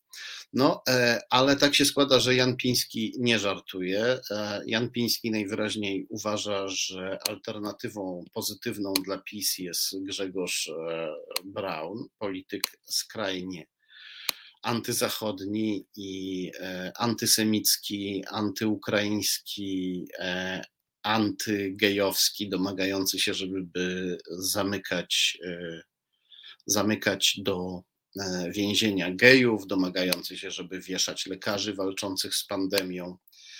E, I ten tweet Jana Pińskiego nie był jednorazowym wybrykiem. E, Jan Piński opublikował dwie książki z Grzegorzem Braunem. Poproszę o skan numer 13. To jest okładka książki będącej wywiadem rzeką z Grzegorzem Braunem pod tytułem Grzegorz Braun, kto tu rządzi? Na dole widzimy e, napisane rozmawiał Jan Piński. I e, drugi skan, skan numer 14, to jest e, skan z strony księgarskiej, na której mamy okładkę innej książki Brauna. Książka A nie mówiłem, w której Braun zaprzecza pandemii koronawirusa, między innymi. E, I współautorem tej książki, jak czytamy po prawej, jest Jan e, Piński. Także wszyscy, którzy czytają e, publikację Jana Pińskiego na portalu wieści24.pl i myślą sobie, ależ ten e, Jan Piński e, odważnie walczy z PiS, muszą pamiętać, e, że Jan Piński wspiera Grzegorza Brauna, zatem i jego partię Konfederacja, która jest antyzachodnia w sposób jeszcze bardziej wyrazisty niż, niż PiS. Co do samego Grzegorza Brauna, to trzeba też wiedzieć, że Grzegorz Braun jeździł do Moskwy, gdzie spotykał się wielokrotnie z Leonidem Sfiridowem. Poproszę o kolejny skan. To jest zdjęcie Grzegorza Brauna i Leonida Sfiridowa w Moskwie. Kim jest Leonid Sfiridow, z którym Braun e, spotykał się w Moskwie, to propagandista kremlowskiego portalu Sputnik, a także człowiek, którego wydalono najpierw z Czech, potem z Polski w związku z podejrzeniem o szpiegostwo na rzecz Kremla. To wydalenie z Polski było głośne, pisały o tym i mówiły polskie media, i już po tym głośnym wydaleniu Brown jeździł do Moskwy spotykać się ze Sfiridowem, czyli na pewno wiedział, z kim się spotyka. E, co więcej, Sfiridow też lansował Brauna. Poproszę o następny skan. To jest e, fragment rozmowy e, Brauna ze Sfiridowem opublikowanej przez kremlowski portal Sputnik. Sfiridow mówi do Brauna, panie pośle, specjalnie sprawdziłem przed naszą rozmową, że pan otrzymał 31 148 głosów wyborców kremlowski propagandista i wywiadowca Sfiridow tutaj się zachwyca e, polskimi wyborcami, którzy tak zagłosowali na Brauna. Braun odpowiada: Mogę bez fałszywej skromności przyznać, to jest całkiem nieźle. Tak sobie panowie piją z dzióbków. E, kolejna informacja na temat Grzegorza Brauna, którą powinniśmy znać to jest taka, że w swojej książce System, poproszę o skan numer 17, to jest okładka tej książki, e, Brown zawarł pewne dość szokujące sugestie. Widzimy tę okładkę, tutaj może się wydawać, że e, książka jest antykremlowska, bo widać jak tutaj ktoś nakłada głowę Putina na posągu, który miał głowę e, Lenina, ale nie, nie, nie. Kiedy czytamy tę książkę, to się dowiadujemy, że Rosja to był wspaniały kraj, E, zepsuty przez manipulacje Zachodu, który właśnie przez zły Zachód tam na przykład wywołał rewolucję bolszewicką. Takie różne rzeczy pisze w tej swojej książce Grzegorz Braun, ale przede wszystkim, i tu poproszę o e, dwa następne skany, 18 i 19, Grzegorz Braun sugeruje, że e, CIA i amerykański generał e, miał e, David Petrels, który później został szefem CIA, że ten amerykański generał i że w ogóle Amerykanie, amerykańskie służby miały coś wspólnego z katastrofą smoleńską. On nawet nie tylko sugeruje, on, on pisze, że generał pojawił się w Polsce tuż przed katastrofą smoleńską i że katastrofa smoleńska to mógł być zamach dokonany przez Amerykanów we współpracy z e, niektórymi e, antyputinowskimi kręgami w Rosji. Czyli tutaj to źli Amerykanie mieliby zabić nam prezydenta razem z niektórymi Rosjanami, ale tymi złymi, tymi, którzy nie lubią e, Putina. To tyle o e, Grzegorzu Braunie. E, warto zawsze przypomnieć, bo e, niestety my często zwracamy uwagę na ekscesy tego człowieka, a zapominamy o tym, co za tymi ekscesami stoi. No i warto pamiętać, że tego właśnie Grzegorza Brauna popiera Jan Piński, który równocześnie próbuje wybielać Rosjan, jeśli chodzi o aferę mailową Dworczyka. Twierdzi, że nie mają oni z tą aferą nic wspólnego. Tymczasem e, źródła e, związane z armią i służbami specjalnymi e, mówią, że też potwierdzają, że afera, że afera Dworczyka jest dziełem wschodnich służb. Częściowo wpisuje się scenariusz wewnętrznych rozgrywek w PiS, Źródła te mówią dokładnie i tu poproszę o ostatni dzisiaj już skan, skan numer 20. To jest fragment artykułu e, w dzisiejszym Newsweeku. Te źródła mówią, że aferę e, Dworczyka przygotowali prorosyjscy funkcjonariusze białoruskich służb w porozumieniu z politykiem PiS należącym do tak zwanego kręgu marszałków. To jest krąg wokół Ryszarda Terleckiego, wicemarszałka Sejmu, Marka Kuchcińskiego, byłego marszałka Sejmu i Stanisława Karczeskiego. To są e, politycy e, Stanisława Karczewskiego, czyli byłego marszałka Senatu. To są politycy w sposób e, nieraz wręcz jawny probiałoruscy. Terlecki wielokrotnie jeździł na Białoruś i chwalił publicznie tamtejszy reżim za jego działania wobec uchodźców, proszę sobie wyobrazić. Karczewski mówił, nazywał, Karczewski nazywał Łukaszenkę ciepłym, ciepłym człowiekiem. Ten krąg marszałków był skłócony z Dworczykiem i prawdopodobnie afera mailowa jest dla niego dobrym argumentem w wewnętrznych E, e, rozgrywkach w walce o stołki, jaka toczy się w PiS, no bo z e, maili wynika, że znajomi Dworczyka rządzą większością stołków w Polsce, więc przyjaciele marszałków mogą argumentować, mogą tych maili używać, pokazując, proszę bardzo, jaka tu się niesprawiedliwość dzieje i już cała Polska widzi, że ten Dworczyk i jego koledzy za wiele dostali, nam się też coś, nam się też coś E, należy. E, jeżeli tak jest, to mamy do czynienia z czymś bardzo tragicznym, bo to znaczy, że e, wschodnie służby i nasi nieprzyjaciele ze wschodu już nie tylko rozbijają Polskę i Unię Europejską przy pomocy PiS, ale także bardzo mocno ingerują w wewnętrzne rozgrywki, w to, co się dzieje wewnątrz partii. Będziemy o tym wszystkim e, mówić zapewne jeszcze w następnych tygodniach. Bardzo Wam e, dziękuję. Ja muszę już kończyć, bo za chwilę prawoteka. Ogromnie Wam dziękuję za to, że jesteście, że oglądacie, słuchacie, podajecie dalej i wspieracie nas, wpłacając na konto Fundacji Arbitror i e, uczestnicząc w zbiórce na portalu zrzutka.pl. Wielkie dzięki i do zobaczenia za tydzień.